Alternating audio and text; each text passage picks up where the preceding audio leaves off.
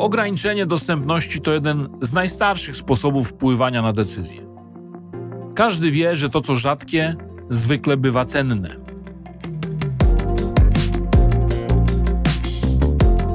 Nie lubię nazwy eksplodująca oferta, ale to niestety najlepsze, choć dosłowne tłumaczenie sposobu na szybsze zakończenie negocjacji. I jeszcze dodatkowo to bardzo skuteczny i wdzięczny pomysł na przedłużające się uzgodnienia. Działanie eksplodującej oferty jest proste. Oferta obowiązuje do środy w przyszłym tygodniu. W czwartek przestaje być aktualna. Takie oferty pojawiają się często w negocjacjach zatrudnieniowych. Oferujemy wynagrodzenie, bonus, 10 dni home office'u i samochód służbowy.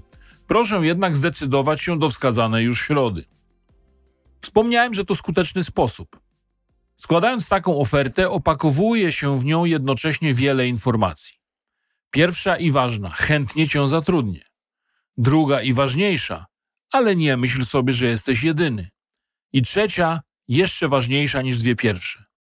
Mam kolejnego kandydata, jeśli ty się nie zdecydujesz. Ograniczenie dostępności to jeden z najstarszych sposobów wpływania na decyzje. Każdy wie, że to co rzadkie zwykle bywa cenne. Mechanizm ten wzmacniany jest domyślną konkurencją. Jeśli tego nie wykorzystasz, złapie to ktoś inny i doskonała okazja bezpowrotnie przepadnie. Wspomniałem także, że to sposób mający dużo wdzięku. Jego źródłem są wymienione tu już domysły adresata oferty. To w jego głowie odgrywa się cała sekwencja zdarzeń i konsekwencji. Nie ma potrzeby ich wymyślania, sprawdzania, na ile są skuteczne i odpowiadania na możliwe pytania. Wszystko robi się samo. Ponadto z łatwością można podać powody, dla których oferta jest tak skonstruowana i jeszcze przedstawić je jako ukłon w stronę adresata. Decyzję może pan oczywiście podjąć później. Wtedy jednak będzie pan pracował w naszym biurze przy centrum logistycznym. Tu w centrali musimy do środy zadeklarować liczbę stanowisk pracy, a jak się pan domyśla, wielu chciałoby pracować bliżej zarządu. Nie ma co ukrywać, eksplodująca oferta to dobra forma nacisku. A jak sobie poradzić, będąc adresatem eksplodującej oferty? Rozbrajanie jej warto rozpocząć od próby przesunięcia terminu, na przykład wskazując, że oferta jest doskonała, wymaga jednak głębszego przemyślenia, sprawdzenia domowych możliwości organizacyjnych, na przykład możliwości odbierania dziecka z przedszkola, ewentualnie przełożenia godzin treningów uczniczych.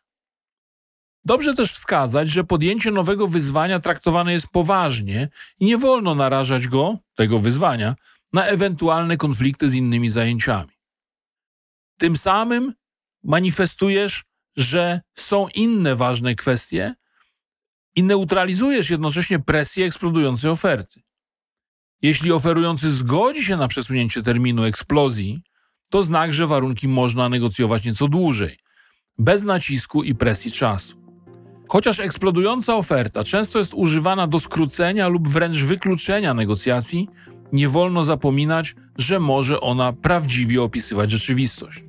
I wtedy wchodzenie w szermierkę słowną może naprawdę spowodować utratę dobrej możliwości.